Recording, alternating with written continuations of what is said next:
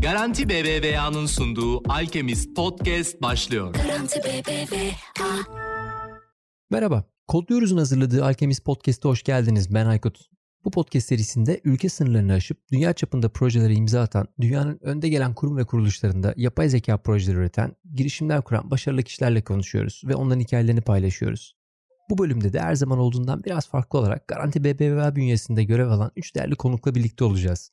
Sevgili Göknil Pençik, Ersin Kaldı ve Şilan Işık bizimle birlikte. Hoş geldiniz. Merhaba. Merhaba, hoş Merhaba, hoş bulduk. Her zaman olduğundan daha keyifli ve kalabalık bir grupla beraberiz. Keyifli bir sohbet olacak. Tekrar merhabalar diyeyim. Ben şimdi e, bugün sevgili co-hostum Gizem'le birlikteyiz. E, Gizem'e vereyim mikrofonu. İlk açılışını o başlatsın. Ufaktan ısınmaya başlayalım. Sonra da güzel sorularla devam edeceğiz. Hoş geldin Gizem. Ee, önce konuklarımıza hoş geldiniz demek istiyorum. Ersin Şilan ve Göknil. Ee, üçünüz de Garanti BBVA'da çalışıyorsunuz. Aslında birazdan burada yaptığınız çalışmaları ayrı ayrı konuşacağız. Ama ben hani klasik açılışımızla devam etmek istiyorum ilk olarak. Ee, uzun bir karantina ve korona sürecinden geçtik. Hala da geçiyoruz bildiğiniz üzere. Ee, bir yandan çalışma şeklimiz de değişiyor. Tüm hayatımız değişiyor bir noktada. Ee, bu süreç sizin için nasıldı? Evden çalışma düzeni sizi nasıl etkiledi? Ee, biraz bunu konuşmak istiyoruz. Ee, ilk olarak Göknil belki senle başlayabiliriz. Sonra Ersin ve Şilan'la da devam edebiliriz. Tabii ki. Öncelikle konuk olarak davet ettiğiniz için çok teşekkür ederiz. Ee, karantina süreci hepimiz için beklenmedik ve aniden gerçekleşen e, bir olaydı. Ve e, hepimiz evlerimizden e, sağlık ve güvenli şekilde çalışmaya başladık e, ve yaklaşık bir yıldır da buna e, devam ediyoruz. E, bu süre içerisinde e, çalışma şekillerimiz şekillerimiz çok değişti. Ancak e, ecel bir çalışma yapısı altında çalışmalarımızı gerçekleştirdiğimiz için e, uyum konusunda hiçbir sıkıntı yaşamadık. E, hatta daha da verimli olduğumuzu söyleyebilirim. Garanti BBVA zaten hazır olan altyapısı sayesinde bu pandemi döneminde de tüm çalışanların çok kısa bir sürede evden çalışabilir hale getirdi.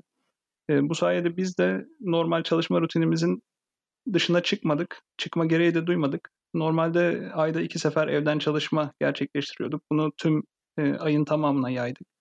E, verimliliğimizde de gerçekten gözle görülebilir bir artış oldu. Teknolojiye çok yakın çalışan kişileriz. Teknolojiyle iç içeyiz. Yani bunun avantajını kullandık zaten elimizin altında olan ortamları hemen hızlıca evimize adapte ettik. Çalışmaya da keyifle devam ediyoruz. Ben Mayıs ayında Garanti BBVA teknolojiye dahil oldum. Mülakatlarımı da ondan gerçekleştirdik.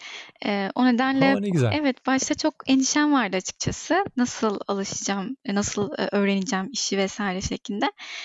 Daha sonra işe başlayınca ama endişelerimin gereksiz olduğunu gördüm. Bu sürece hep birlikte alıştık e, her birinizin yaptığı işlere tek tek de gireceğim şimdi. İlk girizgahta direkt o konuya girmedik ama sevgili isterseniz Göknil ile başlayalım. E, Göknil e, Garanti BBVA'da Data Scientist ve Senior IT Auditor olarak çalışıyor. Yanlışım olursa lütfen sevgili Göknil beni düzeltirsin. İstanbul Teknik Üniversitesi geçmişi var değil mi? Management Engineering bölümü. Arkasından e, Koç Üniversitesi'nde finans e, yüksek lisansı sonra özel sektör arkasından Garanti BBVA ve şu an hala orada devam ediyoruz. Yaklaşık 5 seneyi bulmuşuz. Aslında biraz senden dinleyelim istersen. Bu kariyeri kurarken nerelerden geldik? Biraz o Tabii hikayeyi ki, dinleyelim mi? E, bahsettiğiniz üzere e, İTÜ İşletme Mühendisliği mezunuyum 2015'te. E, sonrasında da yaklaşık 5,5 yıldır Garanti BBVA Teftiş Kurulu altında e, bilgi sistemleri denetçisi olarak çalışıyorum. E, buna ek olarak bir de Data Scientist görevim var. E, başlangıç olarak aslında biz Teftiş Kurulu'nda paydaşlara makul güvence vermek için çalışıyoruz. Bu anlamda da e, bankanın finansal ya da finansal olmayan tüm süreçlerinde e, incelemeler gerçekleştirip riskli alanları, hatalı alanları alanları ilgili ekiplere e, bildiriyoruz. Gerek teknoloji alanında gerekse diğer alanlarda. E, bu alanların e, yanı sıra tabii ki de e, tüm iş birimlerine dokunan ender birimlerden olduğumuz için veriyle çok içli dışlıyız ve en sık e, veriyi kullan, kullanan e, departmanlardan biriyiz aslında. E, bunun da getirisiyle aslında kodlama ve e, veri analizi yetkinliklerimizi sıklıkla kullanıyoruz bu departmanda. E, denetimlerde veri analizinin yanı sıra data scientist olarak e, gerekli yerlerde veri modeli kullanıp denetimlerin sonucuna direkt çıktısı olan e, veri modelleri gerçekleştiriyoruz. Hem işleri otomatikleştirmeye hem de e, daha etkili ve e, örneklemden ziyade popülasyonun tamamını inceleyerek e, risk etkisini arttıran sonuçlar bulmaya odaklanıyoruz. Bir yandan şimdi teknolojinin getirdiği bütün bu yeniliklere ve işte yazılımla beraber, kontrol noktalarıyla beraber bütün bu yenilikleri bankaya entegre ederken kendinizi nasıl geliştiriyorsunuz içeride? Çünkü bir yandan teknoloji çok hızlı ilerliyor. Şimdi kendim de eski bir finans yani dijital tarafta bir finans geçmişim olduğu için az çok aslında içerideki akışları biliyorum ama sizden dinlemek çok keyifli olacak. Bir yandan çünkü banka içleri, finans kurumlarının içleri dışarıdan bakıldığında aslında çok daha büyük çok daha fazla kişinin birlikte çalıştığı ve daha ağır kurumlar gibi gözükür. Halbuki Garanti BBVA Türkiye'de teknoloji anlamında çok hızlı ilerleyen, teknolojiyi çok hızlı bu sektöre getiren ve aslında farklı sektörlerin de e, teknolojik gelişmesi için çalışan bir kurum. E, dolayısıyla sizin gözünüzden de o gelişimi ve kişisel olarak da içerideki o gelişimi merak ediyorum. Kendi e, iş birimlerinize bunu nasıl uyguladığınızı, bu e, farklılığı nasıl içeriye entegre edebildiğinizi. E, tabii ki bankacılık dediğimizde biliyorsunuz ki bir günde gerçekleşen iş, işlem ödevde hani milyonları bulabiliyor ve sahip olduğumuz bu büyük veriyi doğru şekilde kullanmamız gerekiyor. Hem e, paydaşlara hem de müşterilere doğru hizmeti sunabilmek için. E, biz de e, aslında kendimizi bu anlamda e, veri analizine ve veri bilimine yatırım yaparak e, kendimizi geliştirmeye çalışıyoruz.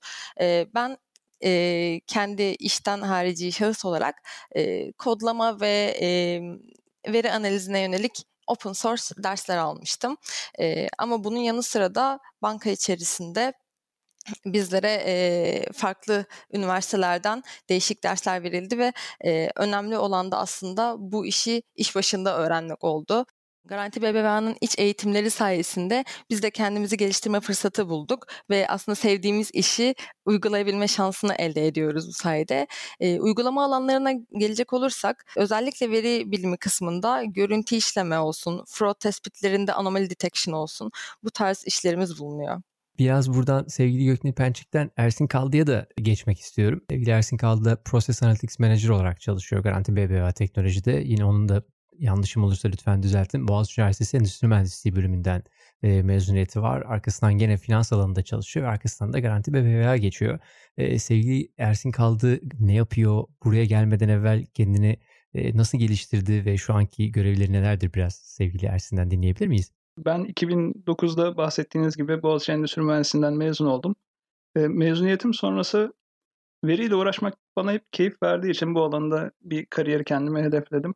Daha önce başka bir bankada kredi analitik biriminde e, yönetici yardımcısı olarak çalışıyordum.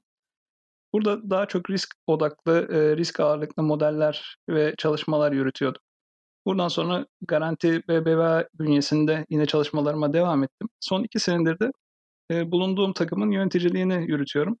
Biz veri bilimcilerinden oluşan bir takımız. Garanti BBVA içerisinde Garanti BBVA'nın ihtiyaç duyduğu tüm analitik modellerin geliştirildiği, taleplerin karşılandığı, müşterilere dokunan modellerin oluşturulduğu birim, büyük veri ve ileri analitik biriminde görev yapıyorum. Çok büyük bir veriyle uğraşıyoruz aslında orada değil mi? Şöyle özetlemem gerekirse risk modelleri hariç banka bünyesinde düşünebileceğiniz tüm modellerin elimizden çıktığını söyleyebilirim. Bunu da aslında bir örnek akışla anlatayım. Kendimizi müşterinin yerine koyduğumuz zaman müşteri herhangi bir kredi başvurusu yaptığında arka planda çalışan risk değerlendirme modelleri olsun, gelir tahmin modelleri olsun, müşterinin limitini belirlediğimiz modeller olsun. Şubeye giden müşteriler için gittikleri şubenin lokasyonunu belirleyen optimizasyon çalışmaları olsun. Şubede e, sıra numarası aldığında sıramatik algoritmasının en optimum şekilde çalışmasını belirleyen çalışmalar olsun. Yine benzer şekilde ATM'den para ihtiyacı olduğunda gittiği ATM'de parasız kalmaması için o ATM'ye yüklenmesi gereken parayı tahminleyen modeller olsun.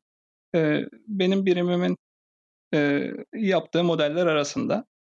Ben aslında orada şeyi merak ediyorum. Burada sizi en çok ne heyecanlandırıyor? Çünkü oradaki veri içgörü bir anlamda hem müşterinin ihtiyacını çözebilecek ve onu mutlu edebilecek bir çözüm sunuyor. Hem de bir yandan tabii şirket içerisindeki tüm prosesleri daha verimli hale, daha akışkan hale getirebiliyor ve ona karar veren aslında bu veriye sahip olan ekibin kendisi bence en azından ilk, ilk içgörüyü gören ve buradaki problemi gören ve ona bir çözüm ulaştıran ekip. Dolayısıyla ben oradaki sizin aslında kişisel heyecanınızı ve sizi heyecanlandıran şeyi de merak ediyorum. Ben aslında veri içerisindeki bilinmezliği aramayı seviyorum. Data içerisindeki bilgeliğe ulaşmaya çalışıyoruz. Yani bunu bu arayış beni heyecanlandırıyor açıkçası. Garanti BBVA içerisinde de bankacılık sektörünü biliyorsunuz. Veriye ulaşabileceğiniz, bir sürü veriyle oynayabileceğiniz ender sektörlerden. Bu açıdan veriyle oynamak ve veri içerisindeki o bilgiliği aramak beni heyecanlandırıyor. Peki aynı soruyu o zaman sevgili Gökner'e de bence soralım. Sizi çalışmaya iten, bu buradaki verilerle uğraştırmak için heyecanlandıran şey ne oluyor diye. Ersin'e katılıyorum kesinlikle. Yani veriyi doğru şekilde analiz edip oradan bir şeyler üretebilmek kadar keyifli bence başka bir şey yok. Özellikle de bizim birim yapımız sebebiyle biraz daha e, eskide kalan bir yöntem olan örneklem seçme yöntemi şu şekilde ilerliyordu. E, biz diyelim ki denetlenecek bir alanda milyonlarca döküman var bir yıl içerisinde toparlanan ve bu milyonlarca döküman içerisinde sadece belli başlı kısımlarına e, odaklanabiliyorduk kısıtlı zaman içerisinde, kısıtlı denetim zamanı içerisinde. E, şimdi aslında makine öğrenmesiyle ya da bu ileri veri analitiği sayesinde e, tüm popülasyonu inceleyerek aslında etkisi çok daha büyük e, bulgular tespit edebiliyoruz. Yüksek e, etkili bulguları bulduktan sonra da bankaya olan riski de o ölçüde azaltmış oluyoruz. Beni heyecanlandıran kısmı da bu. Peki Şilan'la devam edelim. Şilan biraz sen de kendinden bahseder misin? E, Garanti BBVA'da neler yapıyorsun? E, Junior Data Engineer olarak görüyorum ben senin pozisyonunu. İstanbul Üniversitesi Bilgisayar Mühendisliğinden mezun oldum kısa zaman önce. Aynı zamanda e, kodluyoruz veri bilimi, uygulamalı veri bilimi bootcamp'inden de mezun oldum. E, bunun hakkında da konuşacağız tabii. E, Mayıs ayında da dediğin gibi Garanti BBVA teknoloji bünyesine e, girdin. Peki sen biraz kendinden bahseder misin? Aynı zamanda yine seni de neler heyecanlandırıyor bu alanla ilgili? Bu alana nasıl ilgi duydun? Onları da duymak isteriz. Ben de İstanbul Üniversitesi e, Bilgisayar Mühendisliğinden mezun oldum. E, büyük veri teknolojileri ekibinde çalışmaktayım. E, biraz ne yaptığımızdan bahsedecek olursam, e, büyük verinin kullanımıyla çözüm bulunabilecek projelerin hayata geçmesini sağlıyoruz diyebilirim. E, veriye dayalı çalışmaların yürütülmesini gerçekleştiriyoruz. E, ve e, büyük verinin kullanılabilir hale gelmesi için gereken altyapılarla ilgileniyoruz. E, nasıl peki e, Garanti BBVA teknolojisine dahil oldum diye soracak olursan ben aslında üniversite yıllarımın başında daha çok web alanı ile ilgileniyordum. E, web alanı ile ilgili çalışmalar yapıyordum. E, daha sonra e, şunu fark ettim. Ben biraz daha veriye dokunmak istiyordum. Veriyi e, anlamak ve anlamlandırmak istediğimi fark ettim. E, bu nedenle e, işte bitirme projemi ona yönelik seçtim ve yeni bir sayfa açtım diyebilirim. E, bu yolda da e, Kodluyoruz'un kursuyla karşılaştım. E, gerçekten çok mutlu oldum çünkü tam olarak aradığım şey oydu beni veri dünyasına sokabilecek bir kurstu. Verimli bir eğitim sürecim başladı kodluyoruz da. Ee, daha sonra kodluyoruz aracılığıyla e, Garanti BBVA e, Talent Spot e, programına dahil oldum. E, orada görüşmelerim başladı. Daha sonra büyük veri alanında bir fırsat çıktı karşıma ve aslında büyük veri alanının tam bana göre tam istediğim şey olduğunu fark ettim ve bu ekipte çalışmaya başladım. Ee, hazır şimdi hem kodluyoruzdan hem e, Garanti BBVA'nın talent spotundan bahsetmişken ben biraz araya gideyim. Şimdi orayı biraz açalım. Bu keyifli bir kısım. Ee, hem bizimle olan ilişkin, e, kodluyoruzla olan ilişkin ve e, burada aldığın eğitimin bootcamp'in daha sonra kariyerinde bir e, farklılık yaratması noktasında hem de tabii içeride e, talent spotla ilgili biraz da bilgi almak isteyeceğim senden. Şey nasıl oldu? O kodluyoruz kısmını biraz istersen açıyor olalım. Ee, Tabii. Orada e, hangi alanda eğitim aldın? Hangi bootcamp'e katıldın ve senin için nasıl bir farklılık yarattı? Veri bilimi ve makine öğrenmesi bootcamp'ine katıldım. E, eğitmenimiz Çağlar Subaşı'ydı. E, güzel bir öğrenim süreci geçirdim orada. Tam da aradığım vakitte karşılaştım bu kursla. E, sürecim ise şöyle başladı. Başvuru formunu doldurdum. Daha sonra e, kodluyoruzdan e, temel e, seviyemi ölçecek bir test e, geldi. E, o aşamayı da geçtikten sonra e, kodluyoruz. E, ofisine çağrıldım ve orada bir e, yüz yüze mülakat e, aşaması oldu. E, o aşamayı geçtikten sonra ne mutludur ki bana e, kabul edildim. O e, eğitim sürecinden sonra, mezun olduktan sonra da Kodluyoruz aracıyla Talent Spot programına dahil oldum. E, Talent Spot programından da bahsedecek olursam e, şöyle bir e, yaklaşım var Talent Spot programında. Direkt her şeyi bilen bir yeni mezun aramayalım da e, öğrenmeye e, hevesli, öğrenmeye açık, e, azimli yeni mezunları alalım anlayışı var. E, benim de en çok beğendiğim nokta bu olmuştu. Çünkü e, az önce söylediğim gibi büyük veri alanında bir tecrübem yoktu benim. Ama gerçekten bu tarz e, veri analitiğiyle yürütülen projelerde yer, yer almak istiyordum. E, bir yazılım ve makine öğrenmesi e, bilgim vardı belli bir düzeyde. E, bu nedenle e, bu programda aslında yetkinliklerimi fark ettim. E, dinleyenlerden de e, ilgi duyan varsa kesinlikle tavsiye ediyorum. E, bir Navi ve mentor eşliğinde e, aynı zamanda e, ekip arkadaşlarının da yardımıyla, yöneticinin yardımıyla e, güzel bir e, öğrenme aşaması başlıyor aslında. Ve projelerle birlikte aslında eğitiliyorsunuz, öğreniyorsunuz. O nedenle anlamlı bir program. Dedin ya aslında bu alanda e, yoğun olarak bir bilgim yoktu ama ilgim çoktu aslında anladığım kadarıyla öyle yoğun bir motivasyon ve aslında beklenti var o tarafta. E, ilk bootcamp'i almaya başladın ve işte Garanti BBVA ile tanıştığın o sürece kadarki süreçte böyle bir çıktıyı bekliyor muydun? Yani e, Garanti BBVA'ya girmeyi işte bu eğitim sonunda e, bambaşka bir kariyer kurabilmek e, senin hedefinde var mıydı? Yoksa bir eğitim alalım ondan sonra e, kafamda başka planlar var biraz daha deneyeceğim gibi miydi? O süreci nasıl planlamıştın kendi kafanda? Benim için biraz stresliydi çünkü dediğim gibi üniversite yıllarımız son yılında aslında veri alanına ilgi duymaya başladım. O nedenle biraz işte alan değiştirme gibi olduğu için acaba nasıl ilerleyecek diye ufaktan da olsa endişelerim vardı.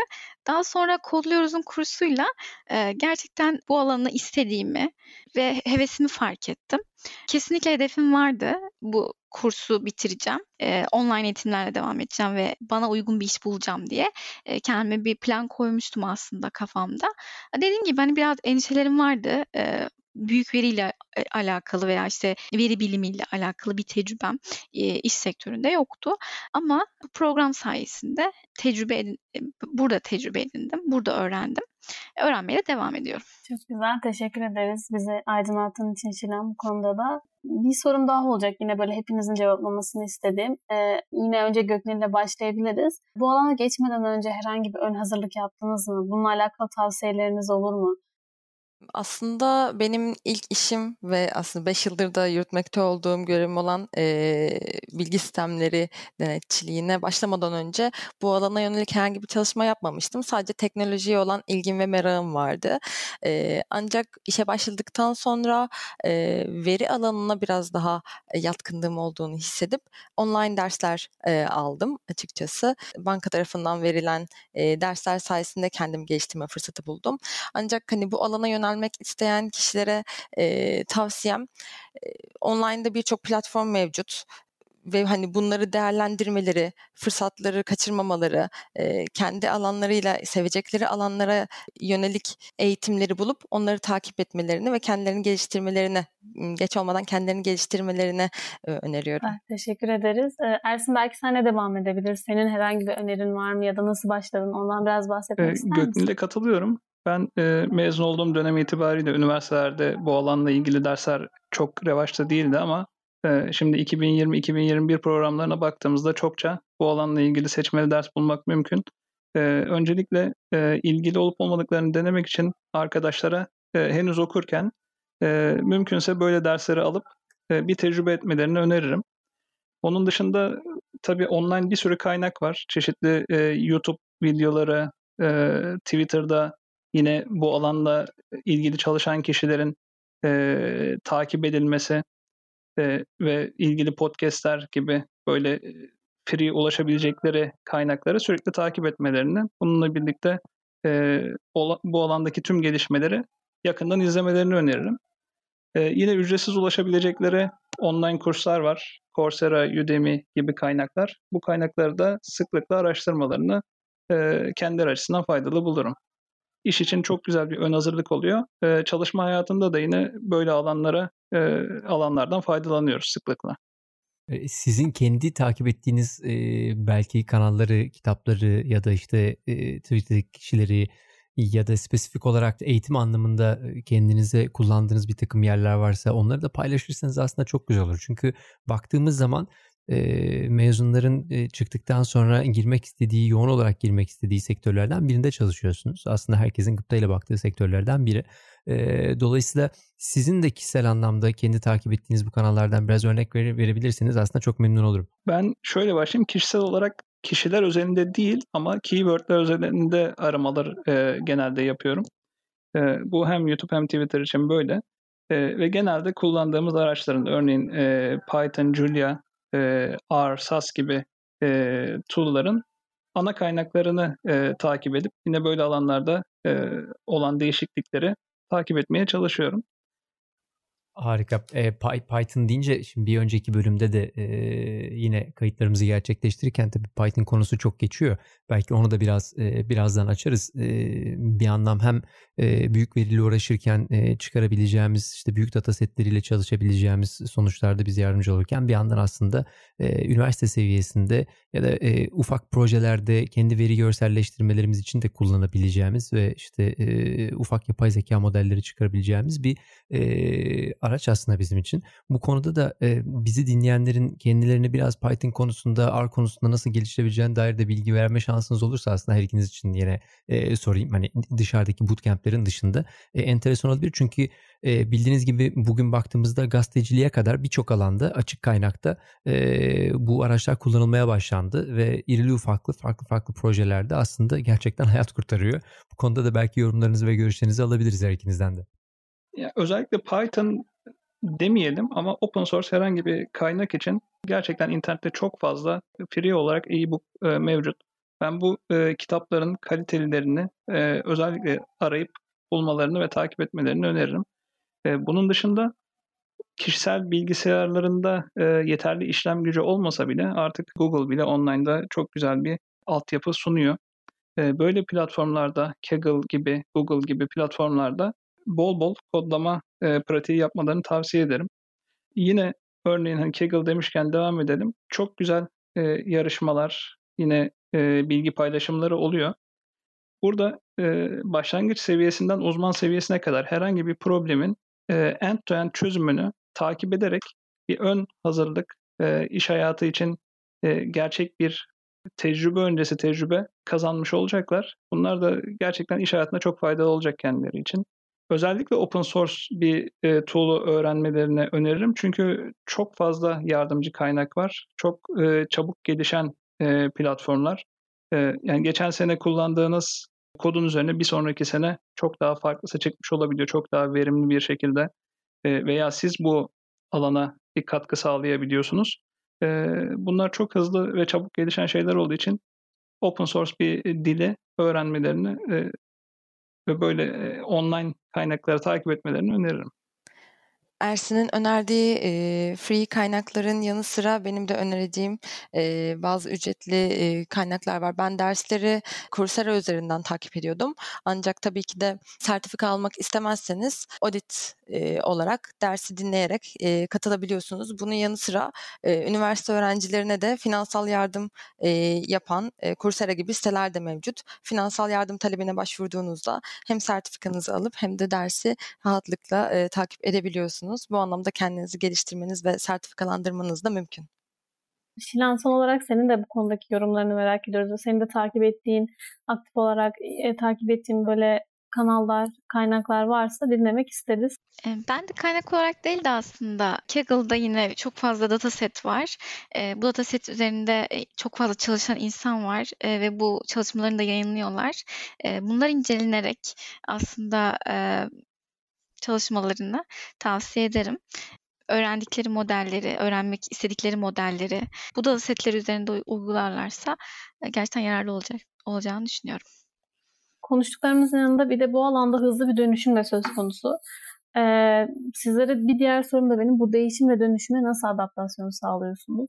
Benim çok sevdiğim ve her zaman da böyle hayat mottosu olarak takip ettiğim bir söz var. Yani değişim ve yaratıcılık cesaret ister diye. Her zaman öncelikle cesur olmalıyız. Öncelikle herhangi bir değişimden korkmamamız gerekiyor. Ee, önümüzdeki 20 yıl boyunca belki de iş yapma şeklimiz şu ana kadarki geçirilen 2000 yıla göre çok daha fazla e, değişecek. Belli ki yani bu korona sürecinde bile e, yaklaşık son 8-9 aydır çok farklı şekillerde çalışmayı öğreniyoruz ve buna adapte oluyoruz. E, yani insanlık tarihine bakacak olursak zaten çalışma şekline göre e, başlıca dört çağ var biliyorsunuz ki işte avcılık çağı milyonlarca yıl sürmüş, tarım işte binlerce yıl, sanayi dönemi e, birkaç yüzyıl sürerken hani son olarak bilgi çağı bile birkaç on yılda sona erdi ve şu anda e, isimlendirildiği gibi arttırılmış ve yükseltilmiş bir çağ içerisine girdik. E, bu çağda da aslında e, insani doğal yeteneklerimiz bilgisayar sistemleriyle arttırılarak düşünmemize ve e, karar verme mekanizmalarımıza yardımcı oluyor. Robotik sistemler işleri daha hızlı ve daha kolay şekilde yapmamıza yardımcı oluyor. Ayrıca dijital sinir ağları da bizi doğal duyularımızın ötesinde dünya ile daha yakından ve alışagelmişin dışında bir şekilde bağlıyor.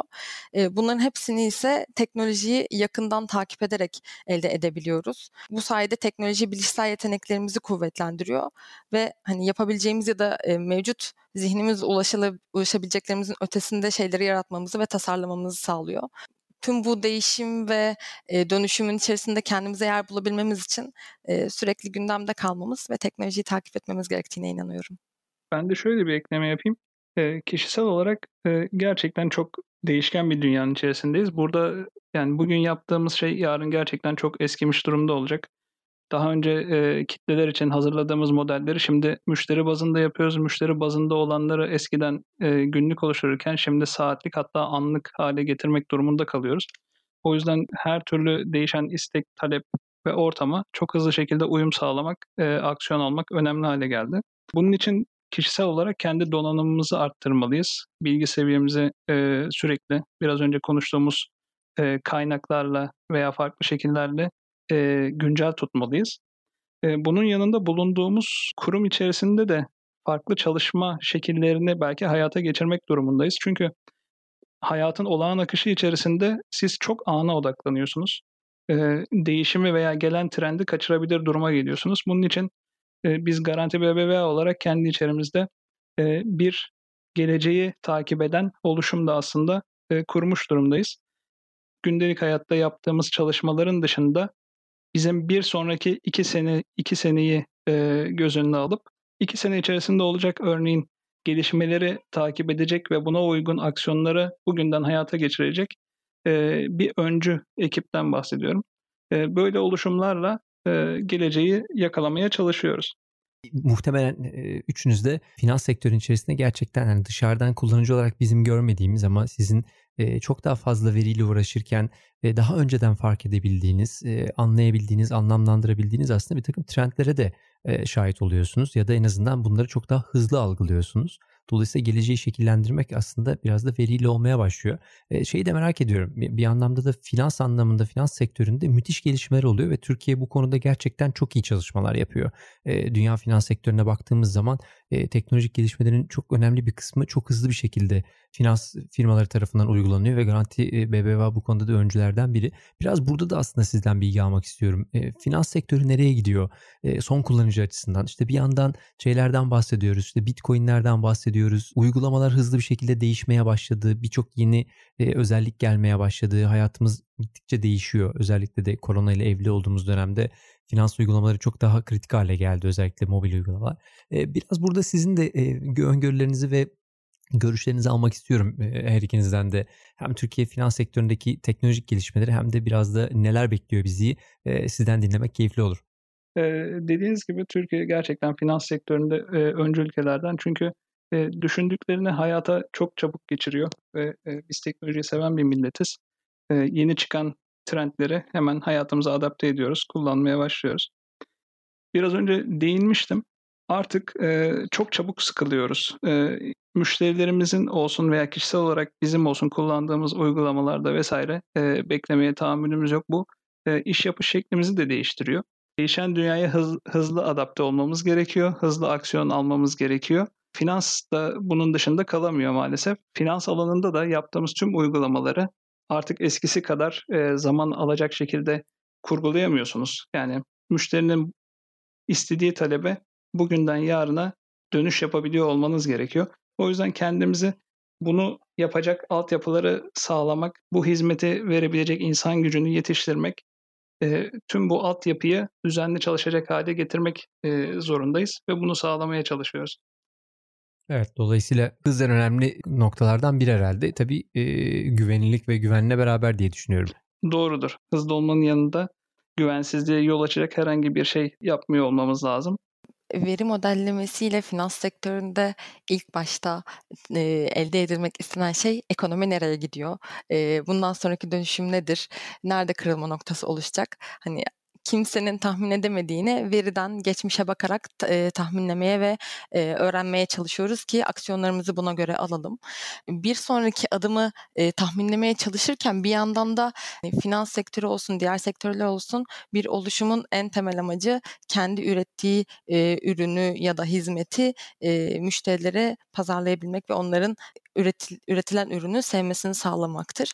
Geçmiş yüzyıl boyunca aslında üretilen ürünleri müşteriye pazarlamak için e, milyonlarca dolar para harcanıyor ama veri analizi ve verinin kullanılması sayesinde ise çünkü sahip olduğumuz çok büyük miktarda bir veri var. Bu sayede müşterinin ürettiğimiz ürünlere nasıl tepki verdiğini ölçümleyerek müşteriye ürünü pazarlamak değil, müşterinin istediği ürün üretebilmeye dönüşmek e, dönüşüyoruz.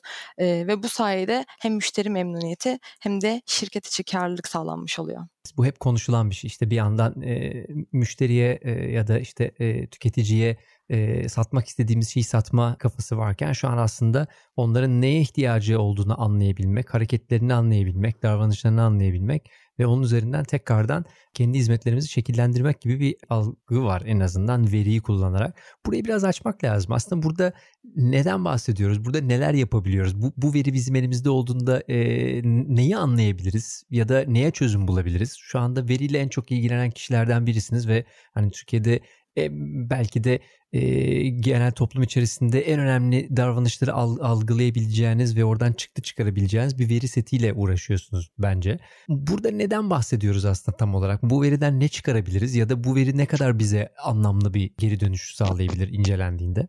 Biraz açmak ve dinleyicilerin kafasında o algıyı biraz da oturtmak anlamında söylüyorum. Ee, aslında şu şekilde yani ürettiğimiz ürünleri ürettikten sonra takip etmezsek onun verimliliğini ya da müşterinin bundan ne kadar e, memnun olup olmadığını hiçbir zaman anlayamayız. E, dolayısıyla e, ürünümüzün üzerinde e, koyacağımız belki checkpointlerle ya da takip noktalarıyla e, müşterinin o ürünü ne sıklıkta kullandığını, hangi alanlarda, hangi saatlerde, hangi zamanlarda kullandığı gibi verileri çeşitlendirip ölçümleyebilirsek e, onlara daha kaliteli bir hizmet sunma şansımız oluyor. E, dediğiniz gibi sadece finans alanında değil, diğer tüm e, sektörlerde, üretim sektöründe olsun, hizmet sektöründe olsun e, önemli olan üretilen ürünün sonucunda e, geri bildirim, müşteriden geri bildirimleri toplayıp doğru yorumlayıp e, onu e, güncelleyebilmektir. Peki orada şimdi biraz e, ortalığı karıştırmak için de bir soru sorayım. Bir yandan da Gizem çok sever aslında o soruyu. Genelde Gizem'in sorduğu sorulardan biri ama onu ben devralacağım şimdi. E, bütün bu işte olumlu konuştuğumuz şeylerin yanında bu veriyi kullanmak, veri analitiği, veri analizi, oradan işte müşterilere daha iyi çözümler sunmanın yanında korkutucu bir trend de var e, datadan korkma, kişilerin kişisel verilerini daha az paylaşmak istemesi, dolayısıyla daha az veri vermek istiyor insanlar. Bazı uygulamaları kullanmak istemiyorlar. Bir anlamda da böyle bir dünya var. E, buradaki görüşlerinizi de biraz alabilir miyiz? Özellikle e, kişilerin verilerinin korunması ve bu konudaki genel trendler hakkında. Bir anlamda korkutucu bir yere doğru gidiyoruz çünkü. E, haklısın. Normalde kişisel verilerin korunması kanundan önceki dönemi düşünüyor e, düşünürsek eğer gerçekten yapmak istediğiniz şeylerin çeşidi çok daha fazla olacaktı. Çünkü her türlü veriyi toplayabiliyor, her türlü veriyi birbirinde konuşturabiliyor olacaktınız. Böyle bir ortam olacaktı. ama ben gelecekte bunun çok sıkıntı yaratmayacağını düşünüyorum. Yani şöyle kendi evimizden yola çıkalım. O kadar fazla akıllı eşyaya sahibiz ki. Yani biz istemesek bile artık veri toplayan cihazlar evimizde veya kullanmak için zaten o onayı vermek zorunda olduğunuz cihazlardan bahsediyoruz.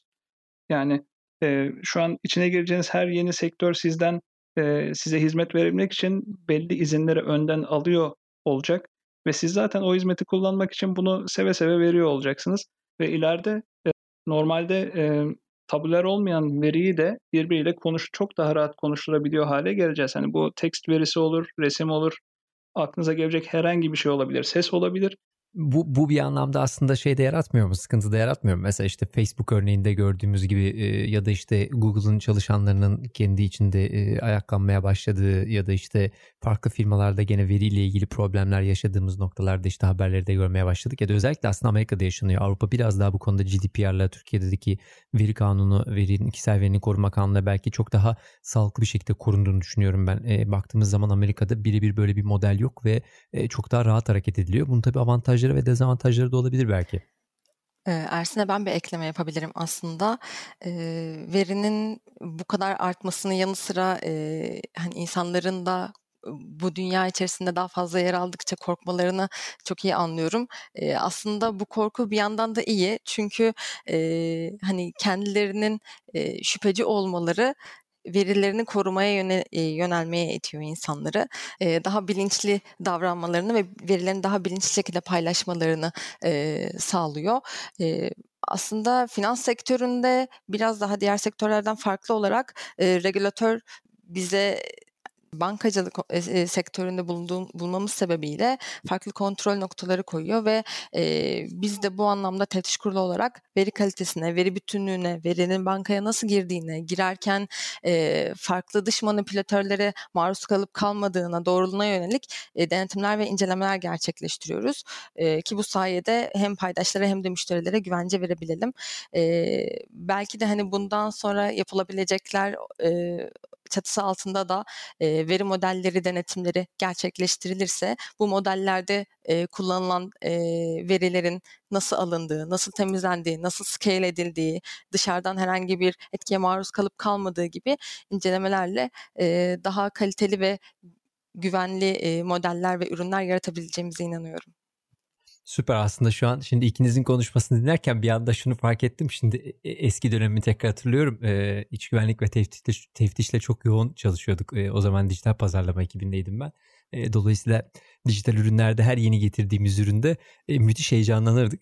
E, fakat tabii günün sonunda bütün o işte verilerle ilgili süreçlerle ilgili e, dokümantasyonlar yapılıp da teftiş kuruluna gittiğimizde iç iç kontrole gittiğimizde tabii onların büyük bir kısmı tamam bunu yapacağız ama işte şurada bir dikkat etmemiz lazım. Bunu tekrar kontrol etmemiz lazım. Ne tabii o müthiş hayallerinden süreçler bir anda böyle daha böyle bir e, ayakları yere basan daha ufaltılmış ya da daha böyle sistematik hale getirilmiş oluyordu. Şimdi sizle konuşurken şeyi de çok net hissediyorum aslında. Bilmiyorum belki de öyle mi? Hani e, proje üretmek ve projenin gidebileceği noktaların e, sınırlarını e, böyle bir açaraktan e, proje e, kafası çıkarmak başka bir şey. Bir yandan da da işte iç kontrole geldiğimizde bankanın bir anda kurallar burada e, bütün işleri bunlara göre yapacağız demesi ayrı bir nokta oluyor. Bilmiyorum içerinizde o süreç nasıl yürüyor? İki farklı departman arasında belki de birlikte çalışmıyorsunuzdur ama karşılıklı projelerde. Aslında sen çok güzel özetledin. Aynen e, dediğin durumu yaşıyoruz ama e, biz hayallerimizde kendimizi kısıtlamıyoruz. E, dediğin gibi sonrasında bunun yapılabilirliğini tartışmak her zaman daha iyi oluyor. Çünkü e, fikirler başka fikirleri açıyor ve yap yani yapabileceğimiz bir çözüm her zaman buluyoruz farklı departmanların bir iş üzerinde ortaklaşa çalışması hem e, sinerji yaratarak o işte e, daha yüksek kaliteli bir ürün ortaya çıkmasını sağlıyor. E, dediğin gibi hani regülatör ya da diğer kısıtlayıcı uygulamalar belki e, hani o hayal gücünü sanki bastırıyormuş gibi gelebilir ama aslında öyle değil çünkü e, tehlikeli bir dünyada yaşıyoruz ve siber güvenlik dediğimiz konu söz konusu olduğunda hele ki e, finans sektöründe e, çok kritik bir noktaya dönüşüyor. E, makine öğrenmesiyle yarattığımız modellerin belki e, istenilen örüntüyle doğru ya da e, yanlış şekilde ilişkilendirilebilmesini ya da iş yapış mantığına uyup uymayacağını bu noktada e, ürünü e, lansmanını yapmadan önce denetlemek gerekiyor. Ersin'e sormak istiyoruz bu noktada. Yani finans sektöründe ne tür AI projeleri yapıyorsunuz? Finans sektörü gerçekten dataya çok kolay şekilde ulaşabileceğiniz ve çok çeşitli datayı barındıran bir sektör. Burada aslında yapabileceğiniz projelerin e, pek sınırı yok. Yani hayal gücünüz de sınırlı. Biraz önce konuştuğumuz konu aslında kişisel KVKK nedeniyle gerçekten kullanamayacağınız, giremeyeceğiniz, girmemeniz gereken alanlar olabilir ama bunun dışında e, müşterilere en güzel çözümü, en güzel ürünleri sunmak ve bunu en doğru şekilde yapabilmek için e, ilk akla gelen e, ürün öneri e, ve eğilim modellerini sayabilirim. Bir müşteri daha ihtiyacını hissetmeden hangi ürüne ihtiyaç duyacağını tahminleyen veya zaten ürününüzü kullanan bir müşterinin o ürünü bırakıp bırakmayacağını tahminleyen modeller ilk akla gelen e, modellerimiz. Ama bunun dışında arkada e, çok farklı modellerden de bahsedebiliriz. Örneğin bütçe simülasyonları yapıyoruz veya yine finans sektöründe sahip olduğunuz kitlenin büyüklüğüne e, göre yapabileceğiniz başka aksiyonlar da var. Örneğin e, içinde bulunduğunuz ülkenin mikroekonomik göstergelerini kendi datanızı kullanarak tahminleyebilirsiniz. Bu size şöyle bir avantaj sağlıyor. Normalde e, çok daha geç ulaşabileceğiniz dataları, e, örneğin 2-3 ay geriden yayınlanan veri takvimlerini siz günlük olarak kullanabilir hale geliyorsunuz. Veya bunun dışında yine müşterinin e, duyacağı güveni arttıran ve sizin hizmet kalitenizi arttıran e, sahtekarlık önleme modellerini sayabiliriz. E, e-ticaret pandemi sonrası özellikle çok daha fazla kullanılmaya başlandı. E-ticaret işlemlerinde sahtecilik önleme modellerimiz var. E, herhangi bir kredi kartı bir işlemde kullanılıyorsa bu işlemi yapan kart sahibi midir, değil midir? Gerçek bir işlem midir, değil midir? Bunun ayrımını yine sağlayan modellerimiz mevcut. Veya şuradan yola çıkalım. Bir kredi başvurusu yapıyorsunuz. Alabileceğiniz kredi limitini hesaplayan modellerimiz arkada var. Müşterinin gelirini hesaplayan modellerden söz edebiliriz. Veya yine burada bu işlemi yapan kişinin gerçek müşteri olup olmadığını müşterinin lokasyonuyla karşılaştırıp e, kontrol eden güvenlik modellerimizden söz edebiliriz. Aslında yeni nesil teknolojilerle de birleştirdiğimizde bu chatbotlar vesaire e, model yelpazesi finans sektöründe epey geniş. Yapabilecekleriniz gerçekten hayallerinizle sınırlı. Çünkü tüm modelleri birbiriyle konuşturabilirsiniz. Dış veriyle kendi verinizi zenginleştirebilirsiniz. Bu şekilde çok daha farklı şeyler de sunabilirsiniz müşteriye. Dubai'de bir ödül aldınız. Bu ödül ile ilgili neler söylemek istersin? Biraz daha açabilir miyiz? E-ticaret platformlarındaki sahtecilik e, önleme çalışmamız da e, aslında 2019 yılı içerisinde AI Everything ve Forbes'un düzenlediği bir yapay zeka zirvesine katıldık. Burada güvenli e-ticaret işlemleri için sektörel sahtecilik modellerimizi tanıttık. Bu böyle her sene gerçekleşen ve 10 binden fazla katılımcı çeken bir e, zirve. Buraya genelde startuplar, e, şirketler, hükümetler e, katılıyorlar ve e, 9 farklı sektörel kırılımda e, yeni data alanında yapılan bu yeni çalışmaları, oyun değiştirici e, işleri değerlendiriyorlar. E, burada perakende alan, alanında ikincilik ödülüyle ayrıldık. Bahsettiğim gibi e, müşterinin e, güvenliğini sağlamak için ve işlem kalitesini arttırmak için ortaya koyduğumuz modellerden e, bazıları bunlar. Bunun sayesinde müşteriler çok daha sürtünmesiz şekilde e-ticaret işlemlerini aynı güven seviyesini koruyarak gerçekleştirebiliyorlar. E, bu hem müşteri hem şirket için aslında hem zaman kaybı önlüyor hem de e, para kaybını önlüyor. Yapay zeka modellerinden bahsederken finans alanında işte fraud detection'dan bahsettik. İşte bir yandan risk assessment'lar var. İşte bir yandan finansal öneriler veren işte kişisel finansın daha sağlıklı bir şekilde yürüyebilmesi için kişilere öneriler veren bir takım AI modelleri de var. Türkiye'de bir, bir takımları var ama mevcut regülasyonlardan dolayı onay alabiliyor bilmiyorum ama bu taraftaki gelişmeleri de biraz konuşabilir miyiz? Ee, özellikle kişilerin kendi finansal geleceklerini yönetebilmesi için e, AI modellerini nasıl kullanabilecekleri veya elimizde böyle bir örnek varsa hala hazırda çalıştığınız belki onu da konuşabiliriz. E, tabii aslında çalışmasına devam ettirdiğimiz, halihazırda üzerinde çalıştığımız, yine müşteriler için finansal sağlık tavsiyeleri sunduğumuz bazı çalışmalarımız var. Burada hedeflediğimiz aslında müşterinin e, sürdürülebilir ve kaliteli bir finansal sağlık seviyesine ulaşması. Bunun için uygulamalarımızda veya internet sitemizde kendilerine çeşitli e, yönlendirmelerde bulunuyoruz. Geçmiş müşteri alışkanlıklarını ve ihtiyaçlarını değerlendirerek e, gelir ve gider konusunda e, bazı tavsiyelerde bulunuyoruz. Bu şekilde müşteriler e, bir oyun mantığında aslında e, sahip oldukları finansal sağlık puanını iyileştirmeye çalışıyorlar. E, daha kaliteli bir seviyeye ulaştırmak için dediğim gibi hem e, ürün önerileri hem de gider giderleri konusunda kendilerine yönlendirici tavsiyelerde bulunuyoruz. Yavaş yavaş aslında şeye dönüşüyoruz diyebilir miyiz? Biraz bu işin geleceğine baktığımızda işte gittikçe daha az insan olan aslında işte banka şubelerinin desteklendiği daha daha fazla mobille çalıştığımız belki işte mobilin dışında da sesli asistanlarla sesli hoparlörlerle gittikçe belki daha fazla e, haşır neşir olacağımız bir geleceğe doğru gidiyor olabilir miyiz yapay zeka uygulamalarıyla beraber? Çünkü bir yandan e, şube e, şeyi de değişmeye başladı. Özellikle korona ile beraber e, çok daha fazla evde kaldığımız, çıkamadığımız bir döneme gidiyoruz. Bu noktadaki gelişmeler neler? E, kesinlikle dediğin gibi bundan önce e, örneğin müşterilerimize e, şubelerde daha az vakit geçirmeleri için e, şubenin o anki yoğunluğunu gösteren veya e, randevu almak istedikleri zamanda oluşacak yoğunluğu tahmin eden modellerimizi arka planda çalıştırıp kendilerine gösteriyorduk. E, ama pandemi sonrası bu modelleri rafa kaldırıp müşterilere gerçekten şubesiz bir deneyim sunmaları konusunda yönlendirmeye başladık. İlerleyen zamanda da e, daha dijital müşteriler görüyor olacağız. Daha dijital kanalları daha çok kullanıyor olacağız. Bu hem e, hem şu an içinde bulunduğumuz e, sağlık orta, yani ortamın sağlık durumundan kaynaklanıyor olacak hem de zaman kaybını önlemek adına işlemleri daha kolay gerçekleştirmek adına şubesiz bankacılığa doğru kaydığımız bir dönemdeyiz. Do- dolayısıyla gittikçe verinin daha fazla alındığı, daha fazla işlendiği bir döneme gidiyoruz. Belki orada biraz Göknil'e de dönebiliriz tekrar. Bir yandan deminki e, diyaloğu hatırlıyorum e, yoğun bir şekilde aslında kişiselleştirmeden bahsediyoruz. E, belki de gideceğimiz nokta orası gibi gözüküyor şu anda özellikle sadece finans anlamında değil e, tüm dijital servislerde aslında buna doğru gidiyoruz işte yani bir yandan şubesizlikten bahsediyorsak e, ya da işte kişisel finans ve finans sağlığından bahsediyorsak kişisel kişilerin finans sağlığından bahsediyorsak aslında burada daha fazla veri almak gerekiyor. Bu noktada sizin yaptığınız çalışmalardan da biraz konuşabilir miyiz aslında buradaki sağlığı sağlarken nasıl adımlardan geçiyoruz? Buradaki güvenliği nasıl sağlıyoruz ya da regülasyonu nasıl sağlıyoruz? Neye dikkat etmek lazım? kişiselleşmiş ürünleri sunarken bir yandan da e, kişilerden ve o ürünü kullanırken topladığı verilerin güvenliği de bizim için önemli.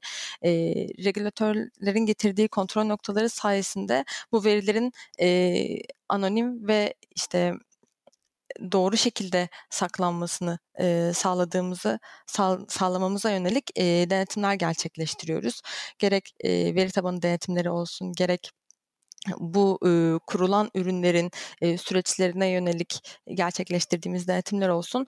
Hem veriyi kullanarak hem de verinin giriş noktalarında herhangi bir değişikliğe uğrayıp uğramadığını kontrol ediyoruz. Bir yandan da verinin banka dışına sızmaması için gerçekleştirdiğimiz e, kontrol noktaları ile e, bu verinin güvende kalmasını sağlıyoruz. İçeride de en önemli şeylerden biri demin biraz siz de bahsetmiştiniz aslında işin takım çalışması kısmı. E, neticede farklı farklı departmanlarla iç içe çalışmak lazım. Hatta belki bizim yayınlarda çok konuştuğumuz şeylerden biri farklı backgroundlardan gelen e, kişilerle aslında iyi bir takım oluşturabilmek lazım ki demin Göknin sen de bahsetmiştin ondan.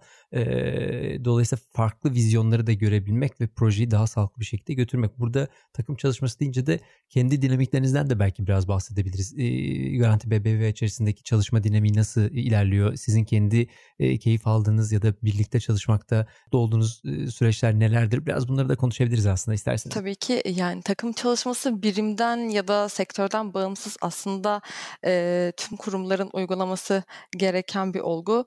E, çünkü kimsenin e, günümüz dünyasında özellikle verinin bu kadar e, çığır açan şekilde büyüdüğü bu dünyada her şeyi bilebilmesinin, her şeyi yapabilmesinin imkanı yok ve e, günümüzde bence alanında uzman kişiler daha ön plana çıkmaya başladı. Alanında uzman kişilerin bir araya gelmesiyle oluşturulan takımlar daha iyi sonuçlar yaratmaya başladı. E, biz Garanti BBVA'da e, özellikle hani kendi departmanım için konuşayım. E, sürekli denetimlerimizi ve e, gerçekleştirdiğimiz projeleri ekip halinde yapıyoruz.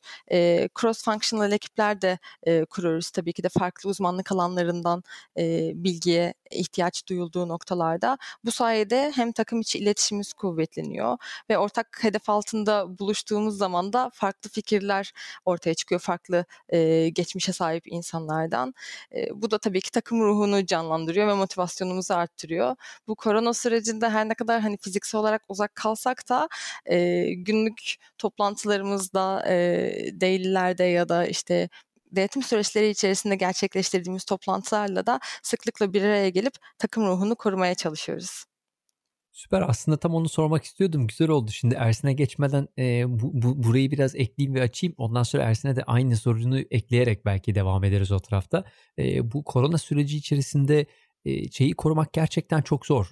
Çok kolay olmuyor. Hani şimdi şeyi çok net anlamaya başladık. Ofisteyken işte ara ara bir su molası verdiğimizde bir çay içmeye gittiğimizde ya da bir yemeğe gittiğimizde bambaşka ekiplerden arkadaşlarımızı gördüğümüzde çalışma arkadaşlarımızı gördüğümüzde farklı fikirler de geliyor. Bazen iş konuşuyoruz bazen işte kişisel hayatımızı konuşuyoruz ama o aslında e, en azından bu benim kendi kişisel deneyimim. E, farklı şeyleri düşünebilmeye de yol açıyordu ve bunu şimdi eksikliğini çok ciddi anlamda hissediyoruz. Hani her şey artık Zoom üzerinden gider oldu.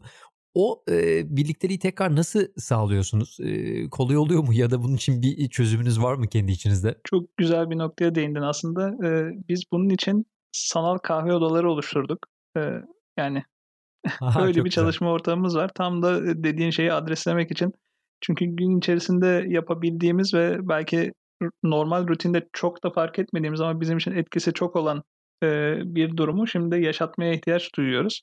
Aslında evde bilgisayar başında çalışıyor olmak sizi bir şeylerden soyutlamıyor. Şuradan bağlayabilirim. Biz Garanti BBVA'da e, özellikle bu alanda Agile takımlar halinde çalışıyoruz. Yani bakış açısına e, veri bilimine de yansıtmaya çalışıyoruz farklı farklı takımlarımız var ve bunlar e, genelde 3-5 kişiden oluşan takımlar. Orada zaten küçük küçük takımlar daha büyük bir takımın parçası halinde çalışıyorlar. Her bir takım kendi projesi üzerinde çalışıyor ama takım içerisindeki herkes aynı ruhla iş paylaşımı yaparak aynı hedefe doğru gidiyor.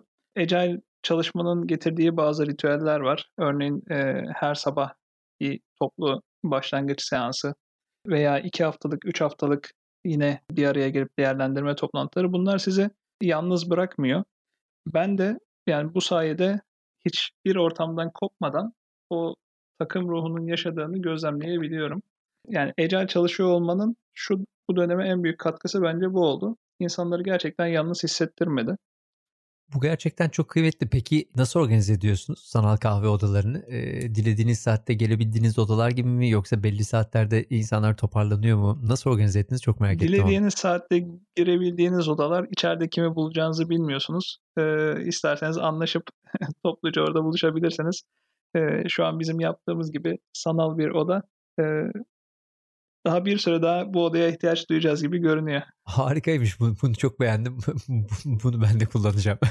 çok güzel fikir. Ya muhtemelen... Evde kahvenizi hazırlayıp gelebilirsiniz. Aha, ne kadar güzelmiş. Misafir kabul ediyorsanız. Biz de bunu uyguluyorduk böyle e, pandeminin ilk başlarında böyle ek, e, ekip geyik toplantıları falan düzenliyorduk. Böyle birbirimizi motive etmek için haftada iki gün e, böyle sadece buluşup sohbet ettiğimiz bir toplantı yapıyorduk. Gerçekten etkili oluyor. Yani bir yarım saatte olsa çünkü günlük akışımızda zaten hani ekip arkadaşlarımızla çalışırken bir yandan da yemeğe çıktığımızda ya da Aykut senin dediğin de gibi ya o sohbetleri zaten o küçük sohbetleri yapıyoruz günlük hayatımızda ama böyle pandemiyle onu biraz kaybettik. O yüzden ve biz de onu e, böyle güncel tutmak için ya da işte e, biraz daha aramızdaki bağı yine o güçlü bağı devam ettirebilmek adına böyle bir uygulama yapmıştık. Gerçekten e, zaten oluyor. asıl verimi yaratan o kaliteli verimsizlik durumları. Hani verimsizlik demeyelim ama e, boş görünen durumlar aslında sizi e, çok daha ileriye taşıyor. Bir boost diyebilirim. Ersen'in evet, belirttiği e, aslında ofis e, kafe breaklerine ek olarak ben de bizim birimizde yapılan bazı toplantılardan bahsetmek istiyorum. E, biz de düzenli aralıklarla ofis sohbetleri adı altında toplantılar gerçekleştirip biz e, bayağı bir büyük bir aileyiz bu arada. Yaklaşık 130-140 kişilik. Normalde hepimiz tek bir katta çalışırken birbirimizi görebiliyorduk ama şimdi böyle sanal olunca e, hani iş dışında gidip de fiziksel olarak görüşemediğin için çok da iletişimde kalamıyorsun kişilerle. E, biz bu ofis sohbetlerinde hepimizin e, yani hayatında gelişen yeni olaylar olursa onları öğreniyoruz ya da e, birimimizle ilgili e, yeni yeniliklerden haberdar olabiliyoruz.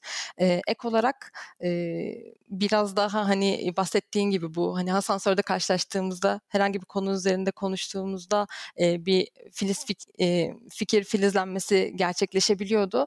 E, bunu da arttırabilmek için aslında Audit Talks ve Open Space isimli iki farklı toplantı daha gerçekleştiriyoruz. Open Space'te e, kişiler iş dışında kendilerine ait farklı özelliklerini e, o toplantıya katılım sağlayan herkese anlatıyor ve bu sayede diğer kişilerin de yeni hobiler edinmesini ya da yeni ilgi alanları oluşmasını sağlayabiliyor. E, Audit Talks'ta ise far, e, yine de, e, denetim camiasından e, ünlü kişileri ağırladığımız ve bu alanda yapılan yenilikleri öğrenebildiğimiz bir e, söyleşi gerçekleştirmiş oluyoruz. Bu sayede kendimizi hem güncel hem de sosyal tutmaya çalışıyoruz korona dönem, döneminde. Harika. Çok hızlı bir şekilde aslında me- mevcut yeni dünyaya adapte olmuş gibi gözüküyoruz ekipçe o zaman. Evet Kalabalık aynen. olmaya rağmen. Güzel. Hepimiz aslında bir şekilde bu durumda durumda kendimizi böyle yüksek tutmanın yollarını arıyoruz. Ee, onu görmüş Doğru. olduk. Doğru. Ee, aslında yapay zeka ve bankacılık konuştuk ama ben şeyi de sormak istiyorum sizlere. Ee, sizi en çok heyecanlandıran yapay zeka gelişmeleri neler? Ee, beni son zamanlarda en çok aslında heyecanlandıran olaylardan birisi GPT-3'ün tanıtımıydı OpenAI tarafından. Yani çok daha farklı bir boyuta taşıdı aslında e, derin öğrenmeyi diyebiliriz. Hani makine öğrenmesinin yanı sıra de, derin öğrenmeyi farklı boyutlara taşıdıktan sonra yapılabileceklerimizin bu, bu alanda yapılabileceklerin sınırsız olduğunu da gösterdi bize. Yani şu anda diyelim ki dünya üzerindeki en zeki insan kim dediğimizde belli bir noktaya kadar görüyoruz. Evet en zeki orasıymış gibi görüyor ama zekanın e, aslında bu makine öğrenmesiyle birlikte ucu bucağı olmadığını görüyoruz. Bunun da en e, son zamanlardaki e, en güzel örneği GPT-3'tü. Bu GPT-3 sayesinde şu anda sizinle bir insanmış gibi konuşabilen karşınızda bir makine var ve onun e, makine ya da insan ol, olduğunu anlayamayacak noktada e, o iyilikte, e, o muhteşemlikte bir konuşma tarzı e, üretebiliyor ve yaratabiliyor. Beni en çok heyecanlandıran son zamanlarda özellikle.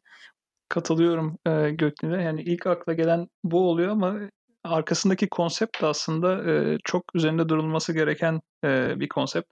Yani sizin e, sahip olmadığınız bir işlemci gücüyle eğitilmiş bir modeli aslında siz firmanıza alıp veya kişisel olarak e, kendi sistemlerinize entegre edip kullanabiliyorsunuz. Bundan anında fayda sağlayabiliyorsunuz. Bu önceden eğitilmiş modellerin e, kolaylıkla paylaşılabilmesiyle ve e, bulut sistemlerinin çok daha e, erişilebilir hale gelmesiyle aslında her alanda daha akıllı çözümleri e, görebiliyor olacağız. E, yani cep telefonlarında kullandığımız tüm uygulamaların arkasında aslında yapay zeka bağlantılı birçok şey zaten vardı. Bundan sonra çok daha fazlasını da görüyor olacağız. E, bu beni heyecanlandıran kısımların başında geliyor ama daha çok e, günlük biriken veri kapasitesini e, görünce veya arada düşününce e, ben heyecanlanıyorum. Çünkü şu an bunun birçoğuna dokunamıyoruz ama e, ileride bunların hepsine şu an SQL'de veri tabanına kolay bir sorgu atıyormuş gibi aslında sorgulayabiliyor ve kullanabiliyor olacağız. E, bunları düşünmek beni heyecanlandırıyor. Ee, bir anlamda da aslında şöyle bir yere de gidiyoruz. Ee, iki, iki noktasını soracağım size veri aslında ya da veriyi inceleyebilen e, büyük yatırımlar olduğu sürece aslında veriyi incelemek çok daha kolay ve anlamlı hale gelmeye başlıyor. Dolayısıyla elinde e, böyle bütçeleri olmayanların gittikçe e, bu yarışta geri düşeceği, daha dezavantajlı olacağı gibi bir gerçeklik de var önümüzde. Bu bir ülke içinde olabilir ya da kişilerin kendini geliştirmesi noktasında da olabilir. Eğer bu cihazlara, bu verileri inceleyebilecek makinelere ulaşamıyorsak dolayısıyla yavaş yavaş aslında geri düşüyoruz. Bu bir, bir sıkıntı mı sizce? Yani sizin de öngördüğünüz şeylerden biri midir? Bunu merak ediyorum. Yani güzel bir bakış açısı bence bir sıkıntı ama daha büyük sıkıntı o veriye sahip olmamak. Yani işlemci gücünden öte çoğu zaman çoğu kişi veya işletme e, nasıl bir verinin üzerinde oturduğunun farkında değil. Yani dünyanın en değerli kaynağı aslında altın veya petrol değil. Bundan sonra veri yani bunu yeni çıkan startupların ne kadar kıymetlendiğinden de son zamanlarda görebiliyoruz. Ee, siz eğer buna sahipseniz ve bunu nasıl kullanabileceğinizi bulduysanız, e, bununla ilgili bir çözüm ürettiyseniz o zaman aslında e, bir adım her şeye önde başlıyorsunuz. Hani onu nasıl işleyeceğinizle ilgili kaynak bir şekilde bulunur. Belki bundan sonrası için benim önerim de e, şu an kullanamıyor olsanız bile elinizdeki kaynağı tutun, saklayın. İleride mutlaka zamanı gelecek bunun için. Ersin'e katılıyorum bu noktada kesinlikle. Yani e, donanımsal eksikliktense veri eksikliği çok daha büyük bir sorun bence. E, çünkü donanımsal donanım dediğimiz şey sonuçta e, tüm yeni icatlar ilk çıktığında hep daha pahalı olur. İlk telefon, ilk tablet, ilk televizyon gibi ilk çıktığında herkes ulaşamıyor olur. Ancak e, üretim dünyasında öğrenme eğrisi çok hızlı geliştiği için e, o ürünün maliyeti çok kısa bir süre içerisinde düşüp herkesin elde edebileceği e, konuma gelebiliyor ya da herkes elde edemese bile bir şekilde e, paylaşma yöntemiyle ya da e, üyelik yöntemiyle bir başkasının e, donanımını siz de kiralama yöntemiyle kullanabiliyor oluyorsunuz. Ama e, kullanacak bir veriniz yoksa o cihaz olsa da zaten elinizde e, üreteceğiniz bir ürün e, ya da bir model oluşmayacak. Dolayısıyla veri e, diğer tüm donanımlardan daha önemli çok e, klasiktir belki ama şu örnekle bağlayabiliriz. Yani eskiden e, CPU özelinde yapılan işlemler GPU'larla beraber e, bir sıçrama yaşadı. Örneğin e, image processing. E, sonrasında TPU'lar geldi. Hani ileride kuantumdan bahsediyoruz. E, dediğin gibi donanım çok önemli ama e, bir süre sonra e, bu böyle daha genele yayılabilir fiyatlara e, iniyor mutlaka. Ama o ilk elinde etiketli imaj datasını bulunduran kişi e, her zaman işin bir adım başında e, olacak. Bütün bu gelişmelerin yanında sizce işte veri analistleri, yeni gelişecek olan veri analistleri ya da yazılımcılar kendilerini bu yeni dünyaya nasıl hazırlamalılar? Çünkü zorlu bir dönem. Bir anlamda e, dijitale kendisini aktarmaya hala çalışan bir e, jenerasyon ve e, çalışan şirketler yoğunluğu var.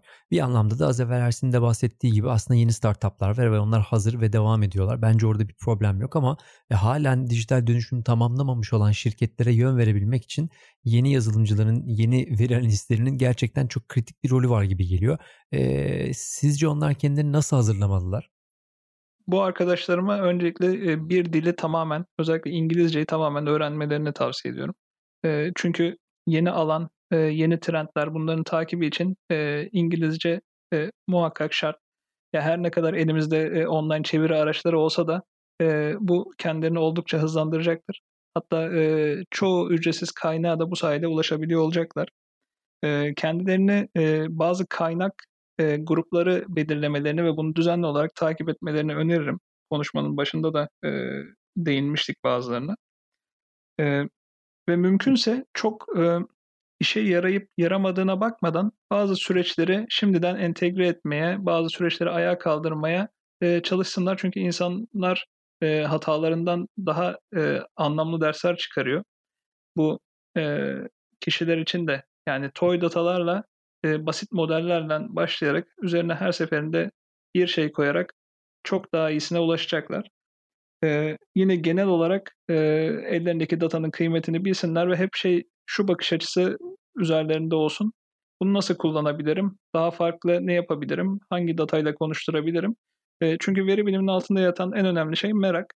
E, siz merak duyduğunuz kadar kaliteli bir veri bilimcisisiniz. E, çünkü e, herhangi bir datayı herhangi bir e, modelleme aracına verdiğiniz zaman günümüzde ondan e, sonuç üretecek yapılar mevcut. Ama bu sonucu kullanacak, yorumlayacak e, ve başka şeyler katacak e, bakış açısına ihtiyaç duyuyoruz. Burada insan devreye giriyor. Yani o yüzden o meraklarını hep keskin tutsunlar. E, bunu önerebilirim. Son olarak kapatmadan aslında Ersin biraz da benim soruma cevap da vermiş oldun. Ee, sizlere ben öncelikle teşekkür etmek istiyorum. Ondan sonra da böyle son olarak dinleyicilerimize neler söylemek istersiniz? Ben vermiş kadar oldum. Ee, dediğim gibi hazırlık yapsınlar. Yarına hazır olsunlar. Çünkü fırsatın ne zaman geleceği belli olmuyor. Şu an bulundukları yerde bunu yapamıyor olabilirler ama yarın çok yakın. Hazır olmalarını öneriyorum. Ben de şöyle bir öneride bulunmak istiyorum. Aslında günümüz dünyasında, günümüz değişken dünyasında değişime ve dönüşüme ne kadar hızlı adapte olabilirlerse o kadar öncü olarak başlamış oluyorlar yarışa. Dolayısıyla e, bu yarışta öncü olabilmek adına e, ilk yapılması gereken şeyin gözlem gücünün arttırılması gerektiğini düşünüyorum. E, Aykut senin de bahsettiğin gibi hani var o sahip olduğumuz birçok veri var ama hiçbirinin farkında e, değiliz. Belki de hani birçok şirket bu konumda. Dolayısıyla e, yeni gelişen yazılımcı, veri bilimci ya da veri analistçi arkadaşların gözlem güçlerini arttırması e, bu veri dönüşümünde daha doğrusu e, değişen dünyada kendilerinin ön sıradan yer bulabilmelerini sağlayacak. Bazen hani sektör bağımlı düşünebiliyor yeni gelişen arkadaşlar işte ben finans sektöründe çalışmak istemiyorum ya da ben sağlık sektöründe çalışmak istemiyorum gibi.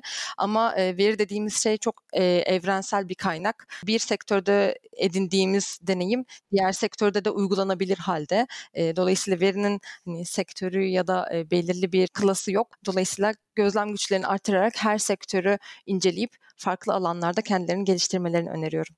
E, nacizane şöyle bir te- e, tavsiyem olabilir. E, Ersin dediği gibi İngilizce. E, ikinci olarak e, ertelememek ve başlamaktan korkmamak.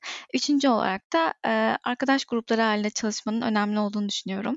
Çünkü bir insan öğrettikçe daha iyi öğreniyor. Aynı zamanda e, birbirini motive e, etmek gerçekten e, çok önemli e, böyle bir yolda. E, benim de tavsiyelerim bunlar. Ee, üçünüze de çok teşekkür ederim. Gerçekten e, bizim için çok keyifli bir sohbet oldu. Ee, hem yaptığınız işleri biraz daha net anlama şansımız oldu. Hem de biraz e, sektörün geleceğini, yapay zekanın geleceğini, Türkiye'deki finans sektöründe e, öngöreceğimiz bir takım e, yenilikleri de konuşma şansımız oldu. Hem de dikkat etmemiz gereken noktaları. O yüzden bugün katıldığınız için çok teşekkür ederim hepinize.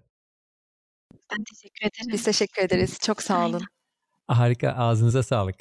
Ee, Gizemcim sana da teşekkür ediyorum. Bugün seninle beraber ederim. olmak gene keyifliydi. Her zaman olduğu gibi. Ee, o zaman Ben ufaktan ben kapanış konuşmasına geçiyor olayım. Teşekkür ederiz bugün bizleri dinlediğiniz için. Kodluyoruz'un hazırladığı Alchemist Podcast'i dinlediniz. Ee, Bugün Garanti BBVA'dan sevgili Göknil Pençik, Ersin Kaldı ve Şilan Işık bizlerle birlikteydi. Hem e, banka içerisinde gerçekleştirdikleri çalışmaları hem finans sektöründe e, beklentileri ve öngörüleri hem de e, yapay zeka anlamında, yazılım anlamında, e, veri analisti anlamında çalışmak isteyen kişilerin e, bu sektörde neler bekleyebileceğini, onların nelerin beklediğini ve e, ne gibi e, ufak e, triplerle, triklerle kendilerini geliştirebileceklerini biraz konuşma şansımız oldu, fırsatımız oldu. Teşekkür ederiz bugün bizleri dinlediğiniz için. E, beğendiyseniz lütfen e, beğenin, paylaşın, arkadaşlarınızla e, yorumlaşın ve e, eğer sorularınız varsa lütfen bize ulaşın. Bir sonraki bölümde tekrar görüşmek üzere diyelim. Garanti BBVA'nın sunduğu Alchemist Podcast sona erdi. Garanti BBVA